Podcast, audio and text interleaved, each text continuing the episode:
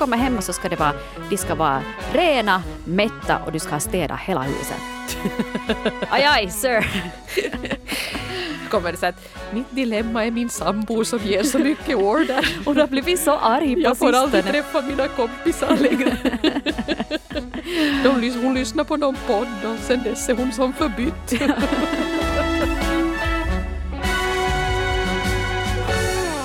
Idag blir det en lite annorlunda version av relationspodden Norren och Frans Ty. Idag ska vi ta oss an lite olika dilemman som ni har fått skicka in och ordet har varit fritt. Ja, det är ganska roligt. På fester. Ja. Jag har ett dilemma. Har du ett dilemma? Ja, nej, eh, jag har inga dilemman alls. Jag tycker bara att det här ska bli väldigt intressant för det är faktiskt lite, lite från det ena till det andra det här vi ska ta upp idag. Jag tycker det är kul att vi brukar göra de här poddarna ibland. Att man helt enkelt öppnar upp för olika slags dilemman. Och ja, inte har vi ju säkert lösningen på alla era problem. Men vi kan ju kanske lite fundera på det här att hur ska vi göra? Vi kan åtminstone döda en halvtimme av din tid med att fundera på de här Som du sen aldrig får tillbaka Nej, igen. nej, men det Ja. är felanvänd tid. Så är det. Men Hanna, vi skulle kanske kunna börja med ett hunddilemma. Och nu känner jag att jag har inte mycket att komma med här så jag tänkte läsa upp det här så får du säga lite vad du som hundmänniska då skulle tycka om detta. Det är Malin som har skrivit till oss. Eh, Jag är singelmamma med två ganska så små barn och min syster har också barn och det känns viktigt för mig att barnen får träffa sina kusiner. Min syster har dock också en hund som redan är fullvuxen men ändå håller på och biter sönder leksaker om man inte vaktar den konstant och dessutom nafsar den och beter sig oberäkneligt. Både jag och min son har fått bitmärken på händerna, inte sår dock. Min syster verkar inte bry sig om att den nafsar, hennes familj är van vid hunden, men jag och mina barn vi känner oss riktigt stressade i den här hundens sällskap.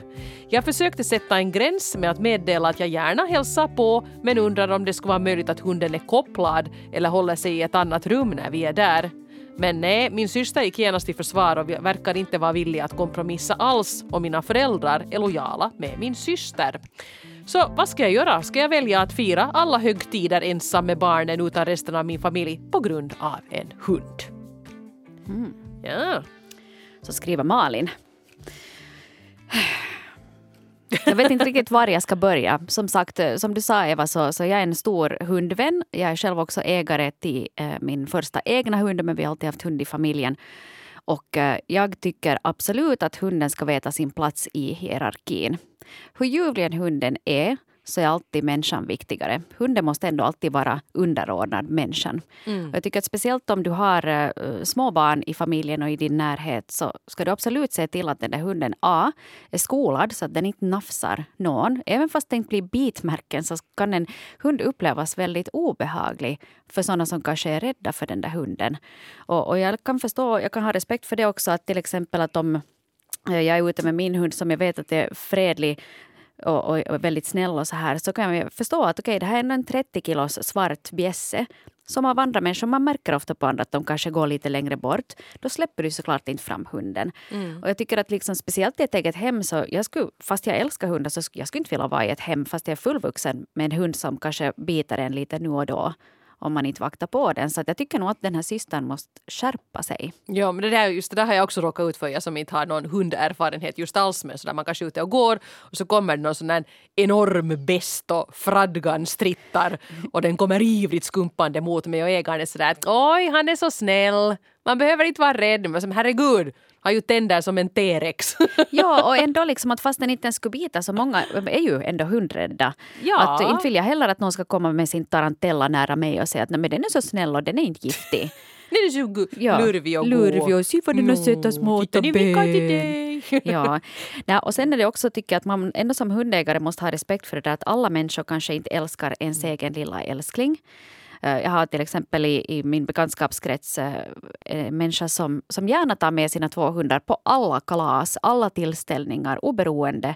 Och Ja. De är ju för sig väldigt snälla hundar och de beter sig jättebra den där ägaren har jättebra korg på de där hundarna. Men jag kan ändå tycka att det är lite jobbigt när det kommer in två såna här jättestora hundar och är lite Ja. liksom här och där. Och jag som är allergisk, jag skulle få gå hem då. Ja precis, så kan man ju också Ja. tänka liksom att, att alla ställen kanske inte behöver välkomna hundar. Och, och nog tycker jag där att om den här syrran nu verkligen äh, tycker att den här hundens beteende går över eh, relationen till systern och syskonbarnen så då är det ju nog någonting verkligen som är fel. Jo, jag tycker Malin hade ju gjort en väldigt vuxen grej här. Föreslagit en kompromiss att kan vi ordna det här på något sätt så att den där hunden hålls lite någon annanstans när vi och hälsar på. Men det dög då tydligen inte heller. Nej. Så jag vet inte riktigt vad vi ska råda Malin nu här för vi är helt på Malins sida Ja. tror jag båda två. Eh, Du, du kan be din syster att lyssna på det här och så kan den där systern fast ringa åt mig så ska vi ha ett litet samtal. Mm. Eller kanske bara dra fram det här att vet du vad, att mina barn är jätterädda för den där hunden. Om det liksom inte är något annat som, som går hem. Ja, och sen är det också tycker jag väldigt sorgligt att om de där barnen blir hundrädda på grund av den här ena hunden då som nafsar. Jag tycker överhuvudtaget liksom att det är lite vänskapligt nafsande. Nej, det är inte okej. Inte det okej för mig heller om jag går till en hundpark och där är en annan hund, det var en ägare här och där. som sa, Okej, jag skulle börja nafsa på Nafsa. folk här i matkön på Yle. Nej, men där var vi, vi var där, jag och, och, och Sisu och några andra hundar. Och så kom det dit en, en kvinna som sa att ja, den här min hund, att han tycker lite om att bita andra hundar, men det kanske inte gör någonting. Så det är Ah! klart som fan att det gör någonting. Att inte kommer du hit och låter din hund bita min hund. Att om inte den kan vara utan att bita så ska den inte vara i hundparken. Nej. Det här är lite samma grej, vet du. Så att jag tycker att, att man får nog helt enkelt skärpa sig. Att fast din fyrfotade vän är din egen lilla älskling och du vet att den är världens gulligaste härligaste så är den kanske inte för alla och hunden ska alltid vara lägst ner i hierarkin. Oj, alltså du förvandlas till en helt annan person. Du blir väldigt sträng och principfast när du Ja. pratar om hundar. Ja, men man måste ha liksom, det måste vara ordning och reda för att det är också det att jag, min hund är ju inte ännu ens fullvuxen. Att sen när du har 40 kilo muskler så måste ju de, här- du ha koll på de här 40 kilona för annars är du totalt i pisse. Så hur mycket jag än älskar den där hunden så måste den ändå skolas. Ja. Det är som med mina barn. Ja, ja. Sir, yes sir! Hellre för hård kurri än att det är för lös kurri. Okej. Både gäller hund och barn. Säger så. Dina barn de biter, de biter inte heller. De biter andra inte barnen. heller. Nej, det är bra. Ja. Nej, men ska vi gå vidare då med Mm. en äh, lite mer mänsklig relation. Trasdockan 28 som har skrivit till oss. Mm. Jag har nyligen blivit tillsammans med en fin man och jag har sedan två år tillbaka världens bästa vän. Problemet är att de här två känner sig hotade av varandra. Jag har ständig kontakt med min bästa vän och hon känner mig utan och innan och har blivit mitt emotionella stöd och jag hennes, det här under en lång tid. Och allt det här så blir igen min pojkvän avundsjuk på. Han vill nämligen att jag ska ge allt det här åt honom. Och det har gått så långt att jag undviker att berätta att jag träffar henne eller talar om henne överhuvudtaget. Och hon igen drog sig lite undan när han kom in i bilden men verkar ändå ha samma förväntningar kvar som innan. Vill ju kunna tala om min nya relation med henne men det känns som att det är det sista hon vill höra, även om hon nog lyssnar. Och det känns som att jag slits mellan de här två. Måste jag välja antingen eller, eller kan jag behålla dem båda på ungefär samma nivå? Så skriver Trasdockan 28. Och nu tycker jag nog Trasdockan att du har att göra med riktigt barnsliga människor. Jag menar herre gästas ändå. Uh, de vill båda liksom vara nummer ett för dig. Eh, och det går ju inte. Och det behövs inte heller. För att du kommer ju ändå, ena är en partner och andra är en, en bästis. Man har dem för lite olika saker. Jag tycker de är riktigt fåniga nu och jag tycker att du ska säga till dem att de är fåniga. Helst skulle du kunna säga det samtidigt.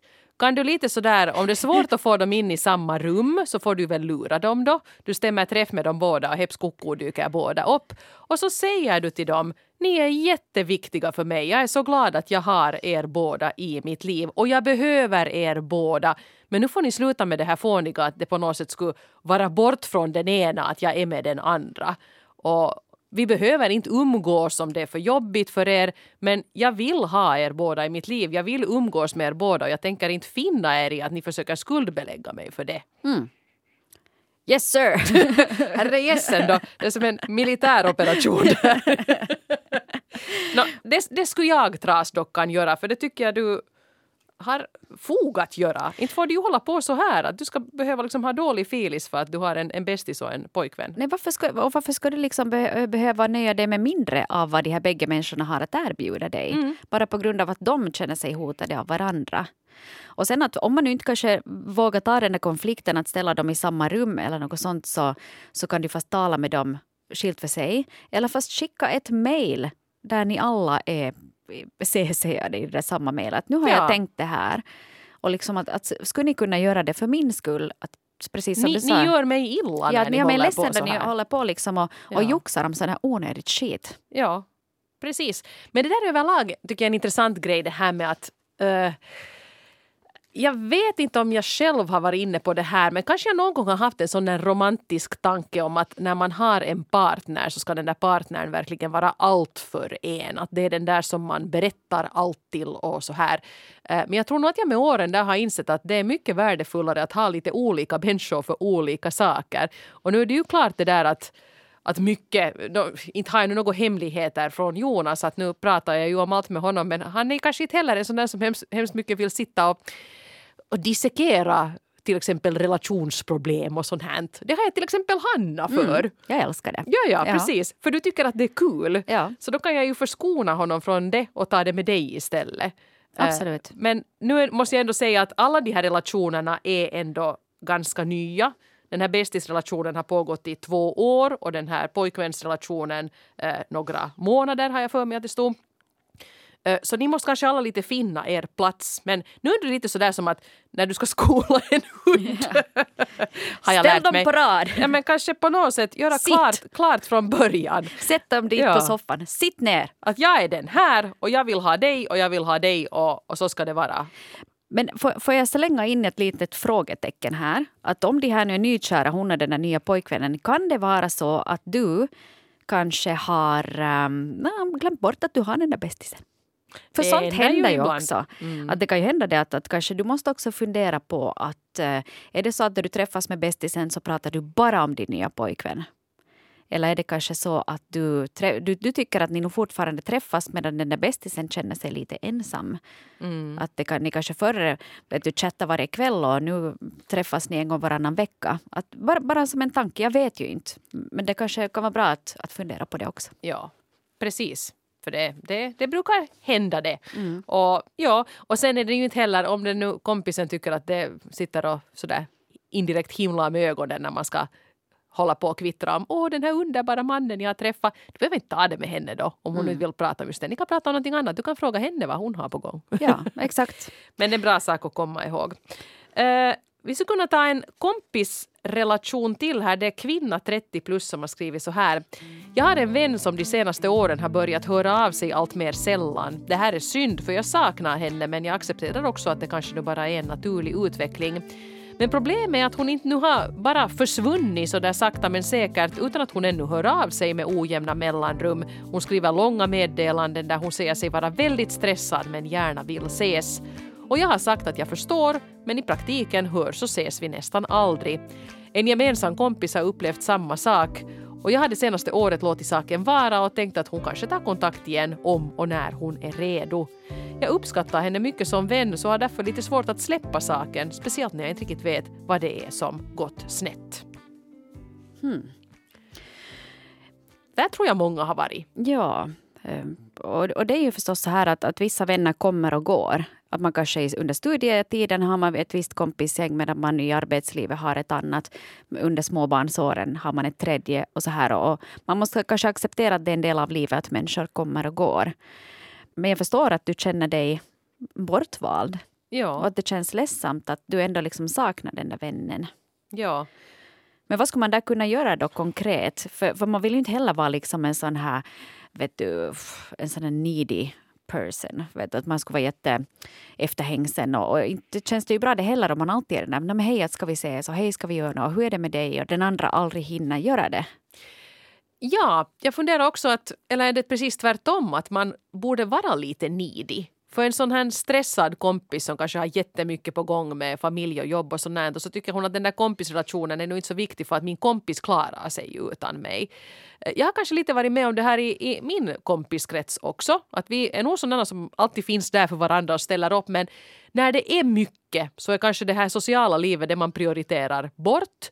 Men sen när någon har krisat, någon meddelar de andra att oho, nu skiljer jag mig från min man, då har alla tid, då kommer alla rusande och liksom inser att nu är det här prio ett.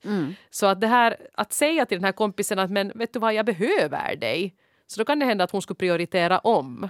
Men jag tror just nu tycker att när det är nu happy clappy och den här min kompis säger att det är helt fine att du tar kontakt sen när du inte är stressad. Då kommer hon ju aldrig att ta kontakt. För man är alltid stressad. Jag kan känna mig lite kanske skyldig också för jag har under den här hösten varit, varit ganska nere och känt mig lite överväldigad av livet.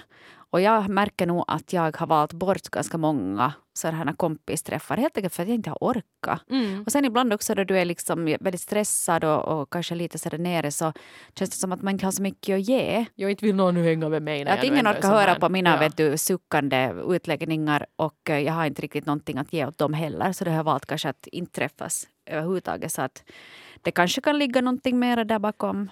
Det vet man ju inte. Men just därför skulle jag nästan säga till kvinna 30 plus som har skrivit. Eh, jag tycker kanske att du ska vara lite mera på. Och kanske faktiskt säga att men hör du nu tänker jag boka bord på en restaurang för dig och mig. Vilken kväll ska vi gå? Fram med kalendern och nu slipper du inte undan. och så ser du vad som händer. Ja. Jag skulle, jag skulle nästan göra det, för jag tror inte att det är så att den här kompisen inte vill umgås. Tvärt, tvärtom har hon ju hört av sig och sagt men hon får inte till det själv nu så kanske du måste styra upp det här nu då så att ni ses och, och känner efter. Eh, en tid hade jag med ett kompisgäng så att varje gång vi såg så fick ingen gå hem förrän vi hade tagit fram kalendrarna alla och bokat in nästa träff. Just det. Mm. Och en tid hade vi också, det här var nu före coronan, så jag och mitt kompisgäng, vi bestämde helt enkelt att vi går på brunch en gång i månaden. Att det är liksom ett stående datum. Det funkar så lite halvbra och sen stängde ju allting och så här. Men att man har ett system så att ingen behövde ta det där ansvaret utan det var så en självklarhet att "Nå, men då ses de som hinner. Just det. Så något sånt kanske skulle kunna vara en lösning. Men jag tycker, var lite på. Eh, Föreslå någonting, boka upp någonting, styr upp någonting och om den här kompisen inte kommer så då vet du det. Ja, och då måste man kanske släppa det. Då kanske det är så helt enkelt. Och se sig om efter, efter nya vänner. Ja, men det kan hända att går du och väntar på att hon ska fixa någonting så kommer du att vänta för evigt. Eh, Det, det är faktiskt ganska många som har skrivit just om det här med, med kompisgäng och att hur, hur man upplever sig i det sammanhanget. Och här är signaturen Som om jag inte fanns som har skrivit så här. Jag hänger ibland i kompisgäng med 3 till 12 personer. Problemet är att ingen varken hör eller märker mig förrän jag verkligen gör ljud, både bokstavligen och bildligt. Jag får aldrig muntur eller om jag får så blir jag avbruten för att de inte märker eller inte kan hindra sig själva från att tala. Jag är själv uppfostrad att inte avbryta så jag får bara vara tyst. Folk lyssnar inte på mig, det märker jag speciellt då jag alltid lyssnar på alla andra. För jag vet nämligen folks veckoslutsplaner, var de bor, vad deras syskon och föräldrar, till och med vad deras husdjur heter. Jag minns födelsedagar, mellannamn, allergier, favoritfraser, dieter och känner igen folks sätt att gå. Men det gör få om mig. Ser folk mig? Hör de mig? Eller är jag bara tråkig? Så skriver som om jag inte fanns. 20. Jag tror inte alls du är tråkig. Jag tror du är en fantastisk kompis som dessutom har begåvats med det här att du är observant och kommer ihåg grejer om dina medmänniskor. Och det är ju inte en svaghet utan det är ju liksom en specialbegåvning som du har.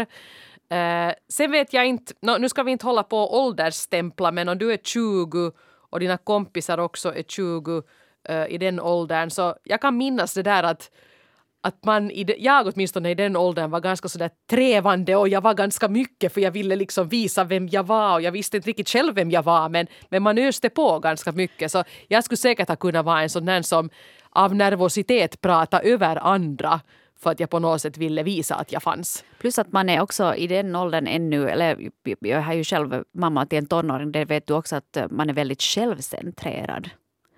Att, att det är också det att många är ju väldigt självcentrerade då man växer upp just för att man har hela det här kaoset inom sig som du Eva beskrev. Det här. Man ska landa någonstans i tillvaron Ja. och man vet inte riktigt ännu hur det ska bli.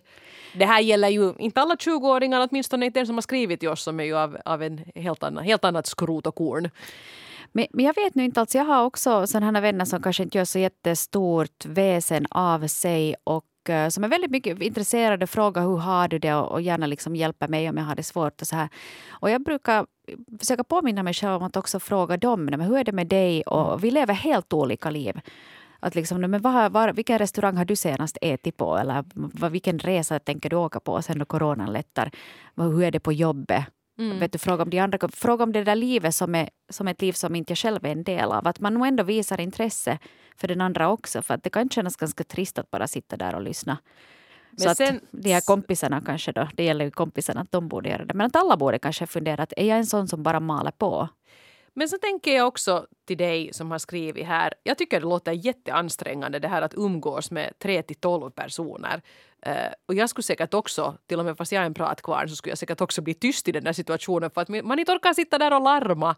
Eh, men kan du kanske lite börja styra upp det här och undvika att hänga med kompisarna på det här sättet och umgås med dem i små doser istället. Det låter med bra. en eller två kompisar så att ni faktiskt hinner prata och hinner lyssna på varandra. Lite spjälka upp dem och inte se det som ett ideal att åh, vi ska vara det stora bullriga härliga kompisgänget. För till exempel du då vantrivs ju i det upplägget och det betyder inte att de här personerna du hänger med skulle vara dåliga vänner utan det är liksom kemin och eh, konceptet som inte funkar för dig när ni är så många på en gång. Ja, no, jag tror naturligt också att man kanske känner sig närmare vissa av de här. Så kanske du närmar dig någon av dem att hej, men ska vi gå ut och ta en promenad?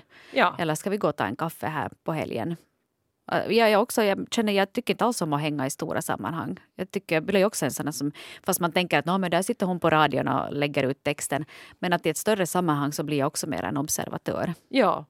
Men Så än en gång, tråkig är du ju inte utan jag tycker du verkar vara härlig. Jag menar, man blir så glad av kompisar som, som kommer ihåg att jo, att hörde att jag visste att du var allergisk för det här så att jag fixar sån här mat istället och kommer ihåg vad typ mina föräldrar heter och sånt där. Det är jättefint. De ska skatta sig lyckliga som har dig i sitt kompisgäng. Men, eh, och att du inte avbryter heller. Eh, hör du, där kanske det här med uppfostran kan du kanske lite skjuta undan. Om det är så att man ska sitta och skrika och larma och avbryta i det här gänget så får du väl testa att göra det då fast det skär i hjärtat eftersom du är en väluppfostrad person.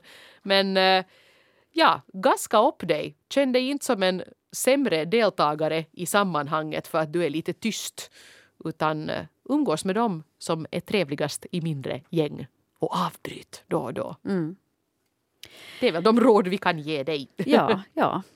Hörde, ska vi slänga in här ett ganska kort dilemma från signaturen Loppuslut 40 plus som kort och gott skrev Mitt dilemma. Sambon har aldrig tid för familjen. Hens hobbyer, kompisar och allt annat är alltid viktigare. Och inte lyssnar hen heller eh, och inser att det här är ett problem. Klassiker. Ja, Lite, ja. men klassiker. Jag tycker det är ganska många O- som... Olycksbådande signatur. Loppuslut 40 plus. Hon kommer att stiga upp och gå ut snart om inte du skärper dig sambon där hemma. Ja, och det här är väl den där kommunikationen igen. Du lever ju över en relation och ni, har ju, ni brukar väl ha något sånt att du, du har tisdagar och han har torsdagar att göra egna grejer. Eller Så att man kan haft, dela ja. upp det sådär. Men Nu har det funkat lite dåligt för att ingen gör ju liksom typ någonting Nej. i dessa tider. Men i tiderna då när vi var småbarnsföräldrar så hade vi varsin ledig kväll i veckan. Och det tyckte jag kändes jättebra. Då fick han göra vad han ville och jag fick göra vad jag ville. Eh, och det var rättvist. Men just det här med Uh, skulle, skulle nu Jonas var och varannan helg försvinna någonstans och, och golfa och fiska och, och skida och, och jaga eller vad nu Kara håller på med. Så nu ska jag ju bli lite sur att prioritera nu kanske någon gång bara att hänga med oss. Ja, absolut. Jag tycker nog att du har varit alldeles för snäll där också. Alltså nu är det Mm. på riktigt, ta fram alla er inre fältväbel nu. Eller vad heter det? Korpral? Jag vet inte någonting om militären. Men någon sån här, någon liten sån här med Mm. jäklar anamma i sig. Nu får ni rota fram den. I, finn inte er i såna här situationer. För det här är ju bara superorättvist. Din sambo får göra precis vad fan han vill och du hamnar och styr upp allt det tråkiga. Ja. Det är ju jätteorättvist. Och också där känner man ju sig bortvald. Att okej, nu kanske nu är världens roligaste grej att fara till hopplopp på lördag. Eh, Men nu, det här är nu, vi, vi hör ihop. Jag, det, det framgick inte här nu att är den här sambon också alltså förälder till de här barnen eller är det en sambo som har kommit in i ett senare skede. Men så vi så, det här är paketet då, du och barnen och då ska det nog finnas ett intresse. Inte nu kanske precis 24-7 men åtminstone sådär då och då ställa, ställa sig till förfogande och vara med. Ja, och sen, vardagen. och sen börjar du också boka in där träffa med dina kompisgäng. Ja. Att du är så här att ja, men nästa lördag då ska jag gå på brunchen. Då får du styra upp det här kaoset här hemma. Ja. Ja. Jag kommer hem och så ska det vara, de ska vara rena, mätta och du ska ha städat hela huset. aj, aj, sir. kommer det så att mitt dilemma är min sambo som ger så mycket order. Och du har blivit så arg på Jag får aldrig träffa mina kompisar längre. De, hon lyssnar på någon podd och sen dess är hon som förbytt. Nu måste jag mitt i allt dammsuga. Nåja, vi börjar ju med ett djurdilemma och då ska vi också sluta med ett djurdilemma visade sig. Eh, jag skrattar hemskt åt det här, jag vet jag tyckte det är roligt egentligen men, men det var festligt skrivet så därför sitter jag lite och flinar på förhand. Eh, så här skriver då en brevskrivare till oss. Jag har en släkting som vi kan kalla V. V är mycket känslig. Hon har speciellt svårt med att djur dödas och det här gäller också insekter. Hon vill helst inte ens döda en mygga. Hon vill hellre rädda krypen och föra ut dem. Problemet började när V flyttade till ett hus i skogen. För i huset finns det möss och de kan hon ju absolut inte döda.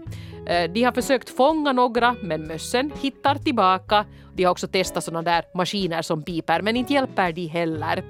Nåja, nu har mössen blivit flera och modigare. De springer vart de vill framför oss. Både på dagen och på natten hör man dem tassa omkring.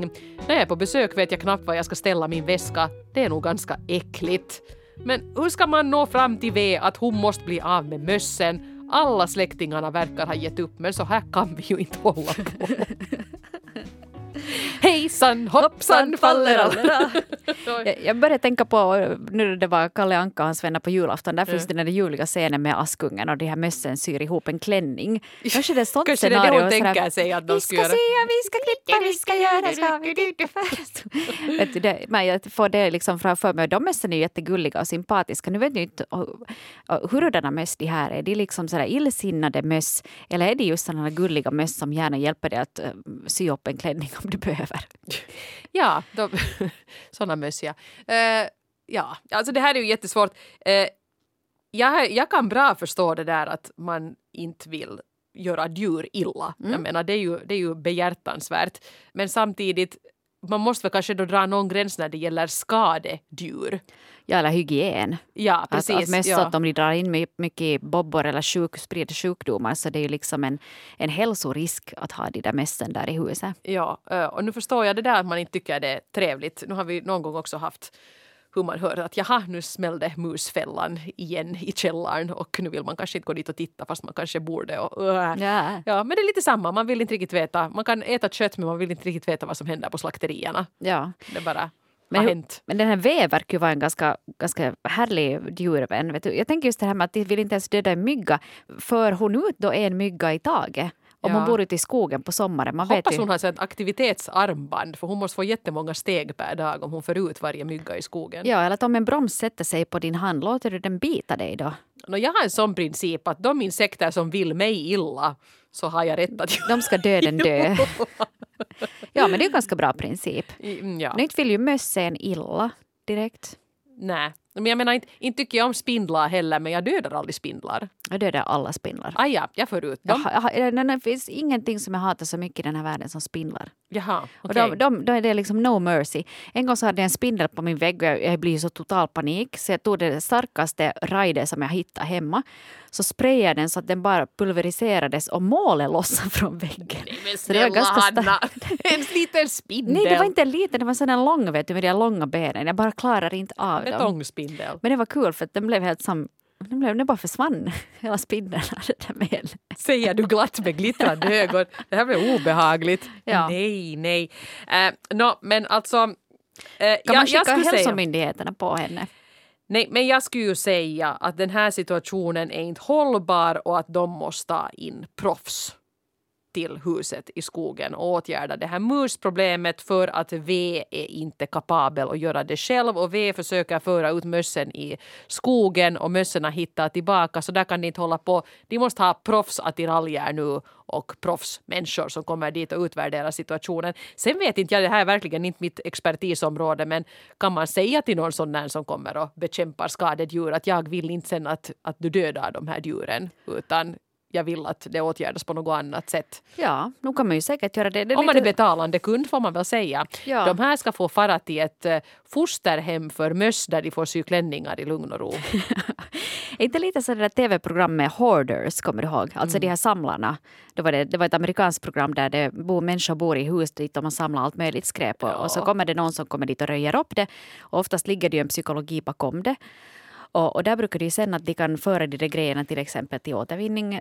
Det känns bättre då. Mm. Men där tycker jag nog att definitivt någon borde komma in och, och åtgärda musproblemet och sen täppa till där de där mössen kommer in och tänka att de där mössen trivs ändå bäst dit ute i skogen. Mm. Precis. Och så, ja. och så, men att de ska inte vara inne i huset. Nej, Nej, och det som, som du var inne på Hanna, det är ju en hälsorisk också när de ja. springer omkring och muskackar överallt, så där kan man ju inte hålla på. Men jag tror att det här har blivit nu en sån situation att ni kanske inte ens riktigt själva kan åtgärda det här utan det måste ha sin expertis. Ja. Mm.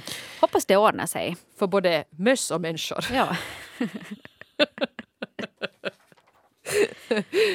oj, oj, inte vet jag om någon blev något klokare av det här men jag tyckte det var väldigt intressant att ta del av era dilemman. Och hörni, ni får ju jättegärna fortsätta att skriva till oss om allt mellan himmel och jord för om du har följt den här podden ett tag så vet du ju att vi ställer en fråga i veckan sådär ganska specifikt och pratar om det. Men ni kan när som helst skriva till oss om vad som helst, till exempel till relationspodden at yle.fi eh, eller om ni vill vara jätteanonyma så att vi inte ser en e-postadress så kan man skriva i de här våra formulär som ligger ute lite var varstans på svenska.yle.fi.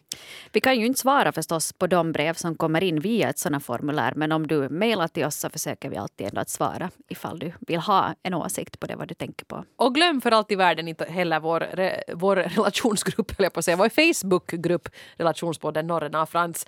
Har du en lösning på något av de dilemman vi har försökt älta här idag, hör då gärna av dig där i gruppen. Mm. Vi hörs igen om en vecka. Ha det så fint. Nu får vi och, och, och vi ska du ha lite ost. Det är alltid svårast att få en avslutning på, på det. ost liksom, av någon anledning. Jag ser framför mig en stor bit ost. Jo. Och så ser det... Ja. ja. Hej då. Nu räcker det. Podden som aldrig tog slut.